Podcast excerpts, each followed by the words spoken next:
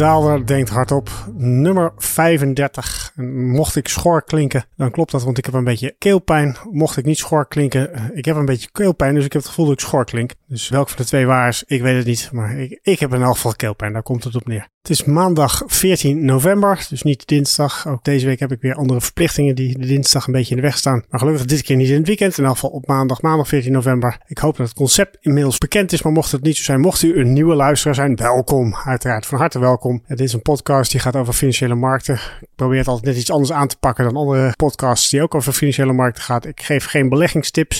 Ik geef geen advies over hypotheken en dergelijke. Hoewel, als u daar een vraag over stelt, vraag.daalde.blackrock.com is het mailadres waar je die vragen kwijt zou kunnen. Uh, maar ik probeer altijd een net iets andere manier tegen de financiële markten aan te kijken. Doe dat onder andere met een fantastische rubriek die OOO heet. En nu heeft iemand mijn blaadje weggehaald, zodat ik niet meer weet waar de O's precies voor staan. Maar als ik me goed herinner, was dat opmerkelijk onverwachts en onbesproken. Dus een van de drie O's, die komen zeker weer aan bod deze keer. Ik heb daarnaast ook altijd een tip voor de podcast van de week. Dus er zijn een paar vaste rubrieken. En daarnaast ga ik gewoon in op wat er in de markt gebeurd is. En welke vragen er aan mij gesteld zijn.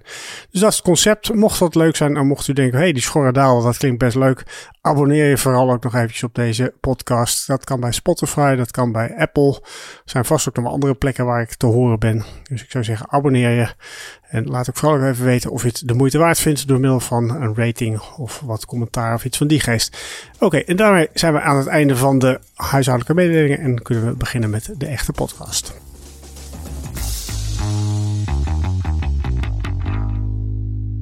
Nou, laten we eerst maar eens even beginnen met het rondje langs de markten, of langs de velden, hoe je het noemen wil.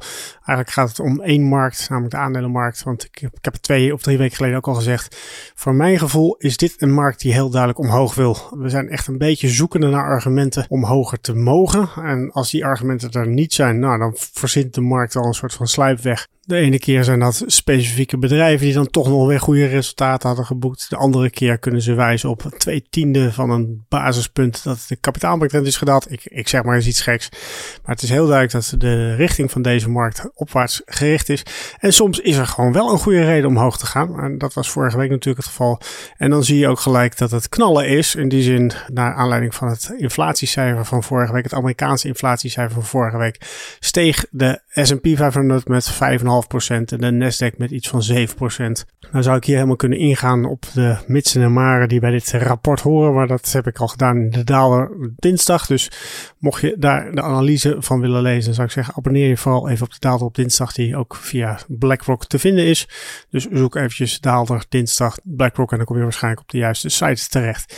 Daar ga ik het dus niet over hebben. Het was een mooi cijfer dat de markt hoger ging. Daar kan ik me best wel iets bij voorstellen. En dat kwam bovenop het nieuws. Althans, eerst was het alleen maar geruchten, maar op een gegeven moment was het ook nieuws dat de Chinese autoriteiten beperkingen ten aanzien van COVID zouden gaan loslaten. Veel stelt nog niet voor. Ik geloof dat je in plaats van zeven dagen quarantaine nu vijf dagen quarantaine moet en dat soort zaken.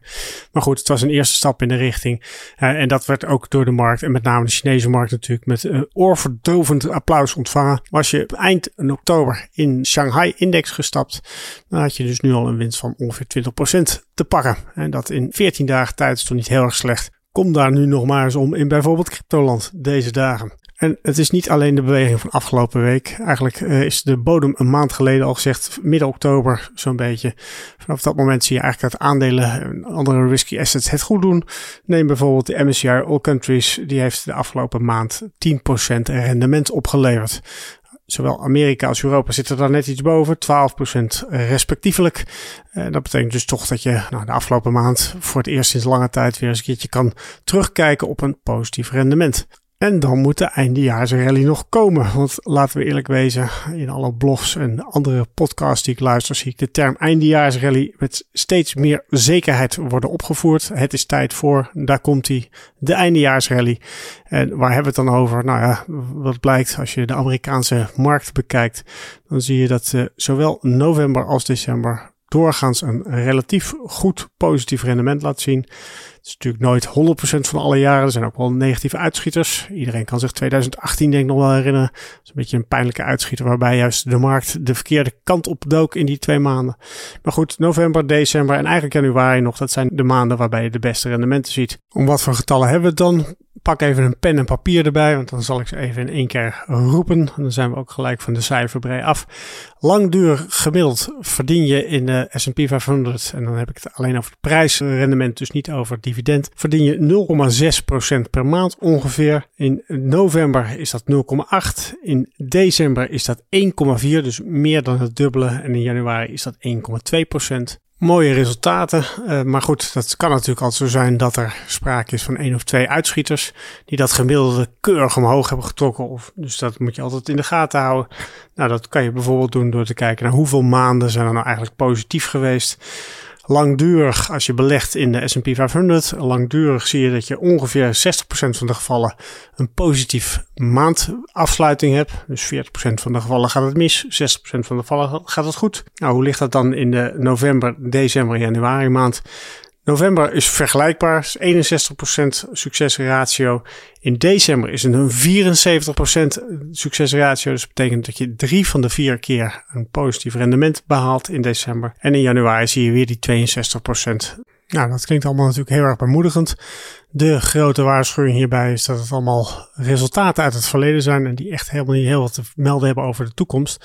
Dus er is geen algemeen sluitende reden waarom dit zo zou zijn. Sterker nog, als die er wel zou zijn, dus als iedereen wist dat het elke november, december, januari feest was, dan zou iedereen in oktober al beginnen in te slaan en dan zou het fenomeen zich verplaatsen naar oktober of misschien september of iets van die geest. Anders dan het historisch vaststellen van deze feiten heb ik eigenlijk nog nooit ergens een goed onderzoek gelezen die verklaart waarom dit zou optreden. Dus waarom het standaard zo zou zijn dat november, december en januari betere rendementen zou moeten opleveren. Nou geloof ik zo dat deze periode afwijkend is van de rest van het jaar. In die zin dat als je puur kijkt naar volumes, naar liquiditeit, die droogt echt duidelijk op aan het einde van het jaar. Partijen sluiten de boeken. Institutionele beleggers zijn klaar voor het jaar en gaan niet meer groots in die markt kopen of verkopen. Dus ik kan me ook heel goed voorstellen dat het, de marktdynamiek anders is in die periode. Maar waarom dat nou altijd tot een opwaartse vertekening zou moeten leiden, weet ik niet. Op het moment dat er iets gebeurt in een vrij illiquide markt, ja, dat kan natuurlijk heel positief doorwerken dat de koers omhoog schieten, maar het kan net zo goed de andere kant op gaan Namelijk dat de koers juist kaart naar beneden gaan. Dus dat december en januari tot op zekere hoogte ja, liquiditeitselement in zich hebben, ja, dat geloof ik zo. Maar dat dat zou verklaren waarom de richting altijd omhoog is, ja, dat gaat er bij mij niet echt in. En nogmaals, ik heb niet overtuigend onderzoek gelezen dat dit, dit fenomeen verklaart. Mocht ik dat nou over het hoofd hebben gezien, laat het alsjeblieft weten bij vraag.daalde.blackrock.com. Want ik ben al jaren op zoek naar een goed verhaal om dit soort kalenderafwijkingen een zekere duiding te geven.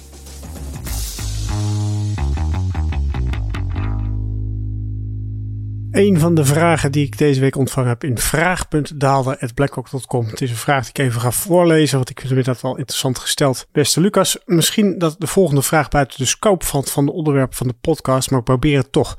Als ik het me goed herinner, gaf je zelf aan zelf ook maandelijks de wereldindex te kopen en een high yield obligaties. Klopt, dat klopt inderdaad. Er staat toch met een vraagteken, maar dat klopt. Mijn vraag is of je hiervan afwijkt nu box 3 de schop op, gaat, op de schop gaat sorry, en beleggers zwaarder belast worden. Zelf ben ik een waardeloze belegger gebleken en ik maak me zorgen om het door de fiscus verwachte rendement van 6% die ik zou moeten halen op mijn beleggingen. Nou, het eerlijke antwoord is dat ik daar helemaal niks door laat veranderen. Ik geloof dat ik de afgelopen jaren sowieso afgerekend ben op een beleggings- en spaarrendement van meer dan 4%. Althans, op mijn besparingen zou ik 4% of meer behaald hebben moeten hebben. Dat is natuurlijk ook nooit gebeurd. Daar heb ik ook niet wakker van gelegen.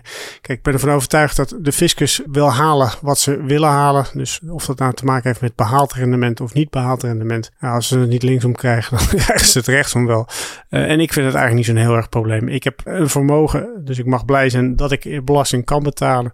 En ik heb er dus ook niet zo heel veel moeite mee dat er gezegd wordt van een deel van uh, het vermogen wat je hebt moet je belasten. Waar ik wel moeite mee heb is dat er gedaan wordt, dat er gerekend wordt met fictieve rendementen die misschien wel of niet behaald worden. Dus ik ben wel voorstander van dat er eigenlijk gekeken wordt naar het echte rendement ja, voordat we daar zijn, zijn we natuurlijk wel weer een paar jaar verder. Dus ik ga ervan uit dat het de komende tijd op deze houtjes thuis manier blijft doorgaan. Maar daar ga ik mijn beleggingsbeleid niet op aanpassen. Als je dat blijft doen, ja, dan ga je op een gegeven moment inderdaad allemaal van die belastingconstructies bedenken. En ja, daar zit ik echt gewoon niet op te wachten. Ik heb betere dingen doen met mijn tijd. Sterker nog, ik was altijd heel blij dat ik nooit een belasting teruggave had gevraagd. Tot, totdat ik dan uiteindelijk een huis heb gekocht.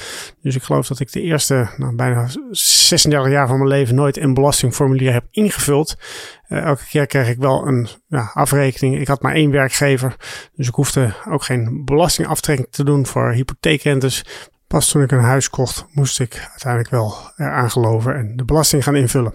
Een tweede vraag die ik kreeg was hoe ik aankijk tegen het hedgen van valutarisico's op beleggingen. Nou, dat vind ik een heel moeilijk uh, onderwerp. Dat heb ik ook al een aantal keer aangestipt in de eerdere edities van deze podcast.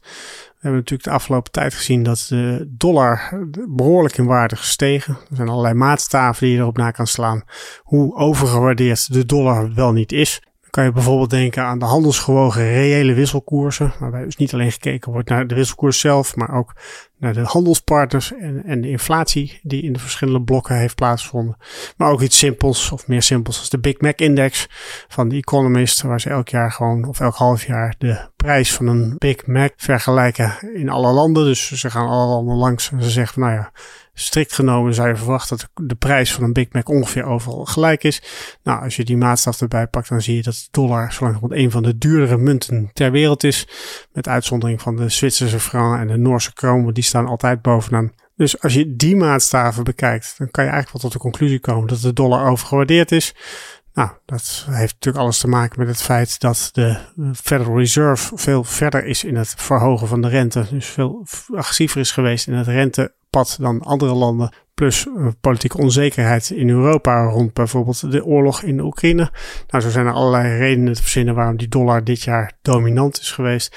En dat was eigenlijk positief nieuws voor de mensen die die dollar niet hedgeden. Dus wij als Europeanen, als wij Amerikaanse aandelen kopen en we hebben dat risico niet gehedged, ja, dan zie je nog steeds dat de Amerikaanse aandelenmarkt wel naar beneden is. Maar teruggerekend naar euro's is, die, dat verlies veel kleiner geweest, omdat de dollar natuurlijk in waarde gestegen is. Mocht je nou verwachten dat de dollar zijn beste tijd gehad heeft, niet dat hij nu verdwijnt, maar gewoon dat hij niet meer verder zal stijgen in waarde en wellicht ook weer eens een keertje een keerpunt maakt en terugkeert naar de meer fundamentele waarden, zoals bijvoorbeeld die Big Mac Index of die handelsgewogen wisselkoers, dan, dan valt er wat voor te zeggen om inderdaad nu meer voor een gehedgede variant te gaan. Let wel, dat is niet gratis, want zo'n hedge kost geld. In die zin, het renteverschil, met name het korte renteverschil tussen Amerika en Europa, bepaalt hoeveel kosten of opbrengsten de hedgekosten zullen zijn. En aangezien op dit moment de korte rente in Amerika hoger ligt dan die van Europa, en dat zal nog wel even zo blijven, zie je dus dat de kosten om dat te de afgelopen tijd behoorlijk zijn opgelopen. Interessant hierbij is dus dat het voor de Amerikanen precies andersom is als je in Amerika bent en je overweegt nu Europese aandelen te kopen, maar je wilt niet dat risico van die euro-valuta erbij hebben, kan je dus Europese aandelen kopen en dat hedgen. Maar dan krijg je geld toe.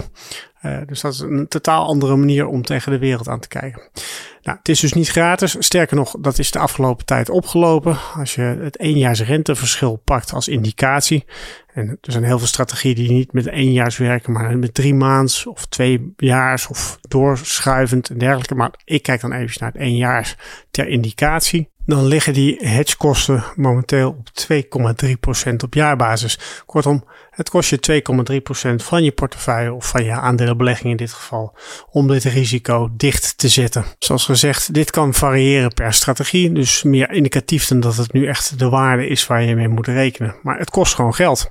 En dat betekent dus dat je als belegger een beetje gevangen zit tussen twee kwaden. Enerzijds denk je, ja, die dollar die is nu al overgewaardeerd, dus die zal wel eens een keertje naar beneden gaan andere kant is het zo dat als je dat wil afdichten, afdekken, dan kost dat gewoon 2,3%.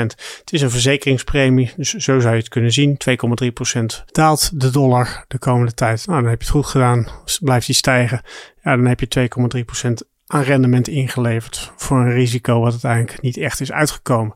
Dan heb je nog steeds de wind in de zeilen natuurlijk van die sterker wordende dollar. Werkt uiteraard niet op het moment dat die dollar ongeveer gelijk blijft of minder dan 2,3% in waarde stijgt. Dan heb je gewoon echt geld verloren waar je niks voor terug hebt gekregen. Overigens is het in mijn ogen het beste om hier eens in dezelfde tijd eens goed naar te kijken. Maar zeker niet elk half jaar of elk kwartaal. Als je dat gaat doen, dan wordt het al snel een tactisch verhaal. Dan zal je zien dat dit onderwerp elk kwartaal weer langskomt. Uh, het zijn discussies die je bij sommige pensioenfondsen ook inderdaad wel ziet. En dan gaat er erg veel tijd uit naar het bepalen wat nou eigenlijk de dollarvisie is. En als ik één ding in de ervaring heb geleerd de afgelopen, nou laten we zeggen 20, ruim 20 jaar, is dat het voorspellen van wisselkoers nog moeilijker is dan het voorspellen van aandelen. Aandelen heb je tenminste nog een soort van basis. Daar weet je ongeveer wel dat de winstgroei een bepaalde richting zal kiezen. En kan je nog een veronderstelling maken over wat je voor je rente verwacht. Maar bij currencies is dat toch verdomde moeilijk. Wat je daar heel vaak ziet is dat er één thema erg dominant is. Dus dat kan het ene moment het rentebeleid zijn. Vervolgens is het geopolitiek. Daarna komt opeens de handelsbalans weer om de hoek kijken. Eén thema is dominant. Eh, die bepaalt eigenlijk het lot van de wisselkoers in kwestie. En dan een half jaar later is er opeens een heel ander thema wat dominant is. En dat is de grote kunst bij het bepalen van uh, wisselkoersvisies kan je dit soort regime changes, zoals die heten, kan je die van tevoren goed aanvoelen komen. En kan je daar dus waarde toevoegen door hier actief beleid in te voeren. Ik heb zo mijn twijfels, maar goed, aan u de keus. Time flies when you're thinking out loud. Eh, want ik zit alweer stevig in de tijd en ik heb toch nog twee rubrieken die ik af moet handelen. De eerste is in elk geval de op rubriek opmerkelijk of onbesproken. Je mag zelf kiezen in welke van de twee hij thuis hoort. Ik heb hem al een keertje eerder genoemd. Maar ja, goed, uh, timing is everything. Er is toen vrij weinig mee gebeurd. Dus ik ga hem gewoon toch nog eens een keertje in de herhaling gooien. En ik doe het deze keer in de vorm van een vraag. Wat denken jullie dat de Turkse lire deze maand aan waarde verloren heeft? Iedereen die een klein beetje de Turkse lire heeft gevolgd weet dat het munt is die eigenlijk maar één kant op kan gaan. Dat is namelijk altijd naar beneden. Ook mede dankzij het beleid wat daar gevoerd wordt door de rente te verlagen en zo de inflatie onder controle te denken te krijgen. Nou, wat denken jullie dat er met de lieren gebeurd is afgelopen maand? Nou, het hangt natuurlijk een beetje af van welke dag, dus laten we niet heel moeilijk gaan doen. Je kan eigenlijk zeggen dat de lieren de afgelopen maand min of meer gestabiliseerd is. 14 oktober stond hij op 18,5 en nog een beetje. Uh, vandaag, op het moment dat ik het opneem, staat hij op 18,6. Gisteren stond hij eigenlijk op precies hetzelfde niveau als een maand daarvoor. Dus per saldo lijkt de verzwakking van de lieren op een miraculeuze wijze onder controle te zijn gebracht. En dat terwijl er inderdaad als maar sprake is geweest van renteverlagingen. Nou, kan je geheid zeggen wat er nu vervolgens gaat gebeuren. En dat is dat de Turkse inflatiecijfers ook opeens wonderbaarlijk genoeg gaan dalen. En dat heeft niet zozeer te maken met het succes van het monetaire beleid. Nee, uh, de verzwakking van de lieren was een van de belangrijkste redenen dat die inflatie in Turkije zo hoog was. Als de verzwakking van de lieren vervolgens ten einde komt, ja, dan zal je ook zien dat langzaam maar zeker dat inflatie verhaal uit de cijfers begint te lopen. Dus let op mijn woorden. Ergens tussen nu en laten we zeggen een maand of twee, drie. Afhankelijk natuurlijk van wat er voor de rest nog met die lieren gaat gebeuren. Ga je de verhalen lezen dat het beleid van de Turkse Centrale Bank misschien toch niet zo vreemd was als iedereen wel zei dat het zou zijn. Nogmaals, let op mijn woorden. We gaan het krijgen. Dat was één. Dan heb ik natuurlijk de podcast tip nog. Nou, daar is geen enkele twijfel over wat dat deze week kan zijn. Dat is de dagkoers van het Financieel Dagblad met name de aflevering van het weekend, afgelopen weekend, moet u luisteren. Want ik word daarin specifiek nog genoemd in het kader van de veranderingen die de afgelopen, nou, laten we zeggen, 15 jaar hebben plaatsgevonden bij Twitter. Dat het vroeger zo gezellig was op Twitter. En dat je vroeger zelfs nog mensen had die borrels organiseerden. En daarbij werd ik met naam en toenaam genoemd. Nou wil ik natuurlijk voorkomen dat ik elke week over een borrel begin. Dus uh, laat ik dat als laatste keer nu nog één keer noemen. Maar ik vond het in elk geval wel heel leuk om uh, te luisteren. En bovendien, de podcast is echt de moeite waard. Niet vanwege het feit dat ik een keer genoemd ben. Ik vind altijd een hele handige toevoeging van uh, het lezen van de krant. Ik lees Financieel Dagblad. Maar op een of andere manier krijg ik in die podcast altijd net een andere invalshoek. Of lees ik die artikelen normaal veel minder goed. En heb ik die dan altijd in de podcast, hoor ik die terug. Denk, hé, hey, dat is interessant. want meestal lees ik de krant voordat ik de podcast luister. Dus zeker de moeite waard. Ik zou zeggen, abonneer als je dat nog niet gedaan hebt. En daarmee kom ik weer op het einde van mijn eigen podcast. De Daalder Denkt Hardop. Het was weer een waar genoegen om deze uitzending te mogen opnemen. En ik hoop iedereen volgende week hier weer terug te treffen. Alvast bedankt en tot de volgende keer. Groetjes.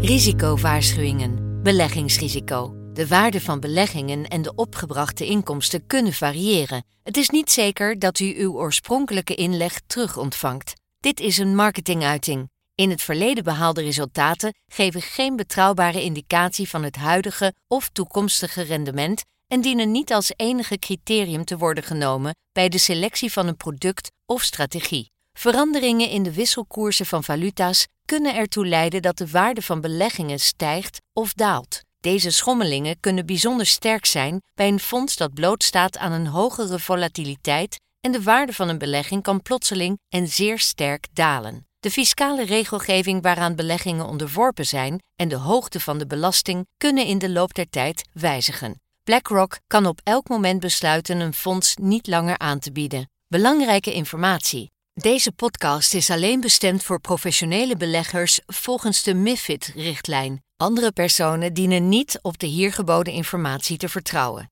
Deze podcast is uitgegeven door BlackRock Netherlands BV, dat een vergunning heeft verkregen en onder toezicht staat van de Nederlandse Autoriteit Financiële Markten. Officiële zetel Amstelplein 1 1096 HA Amsterdam. Telefoonnummer 020 549 5200. Ingeschreven in het handelsregister onder nummer 170 Om u te beschermen worden telefoongesprekken doorgaans opgenomen. Alle in deze podcast vermelde researchgegevens zijn verstrekt door BlackRock en kunnen door BlackRock inmiddels voor eigen doeleinden gebruikt zijn. De resultaten van dergelijke research worden slechts incidenteel verstrekt. De hier geuite visies vormen geen beleggingsadvies en kunnen aan verandering onderhevig zijn. Ze weerspiegelen niet altijd de gezichtspunten van een bepaalde onderneming binnen de BlackRock-groep of van een afdeling daarvan en de juistheid ervan kan niet worden verzekerd. Deze podcast is uitsluitend bestemd ter informatie. Het vormt geen aanbod of uitnodiging om te beleggen in een van de fondsen van BlackRock en is niet opgesteld in verband met een dergelijk aanbod. Copyright 2022 BlackRock Incorporated. Alle rechten voorbehouden. BlackRock is een geregistreerde handelsnaam van BlackRock Incorporated en haar dochterondernemingen in de Verenigde Staten en daarbuiten. Alle andere handelsnamen zijn van de respectievelijke eigenaren. Deze podcast mag niet worden verspreid zonder toestemming van BlackRock.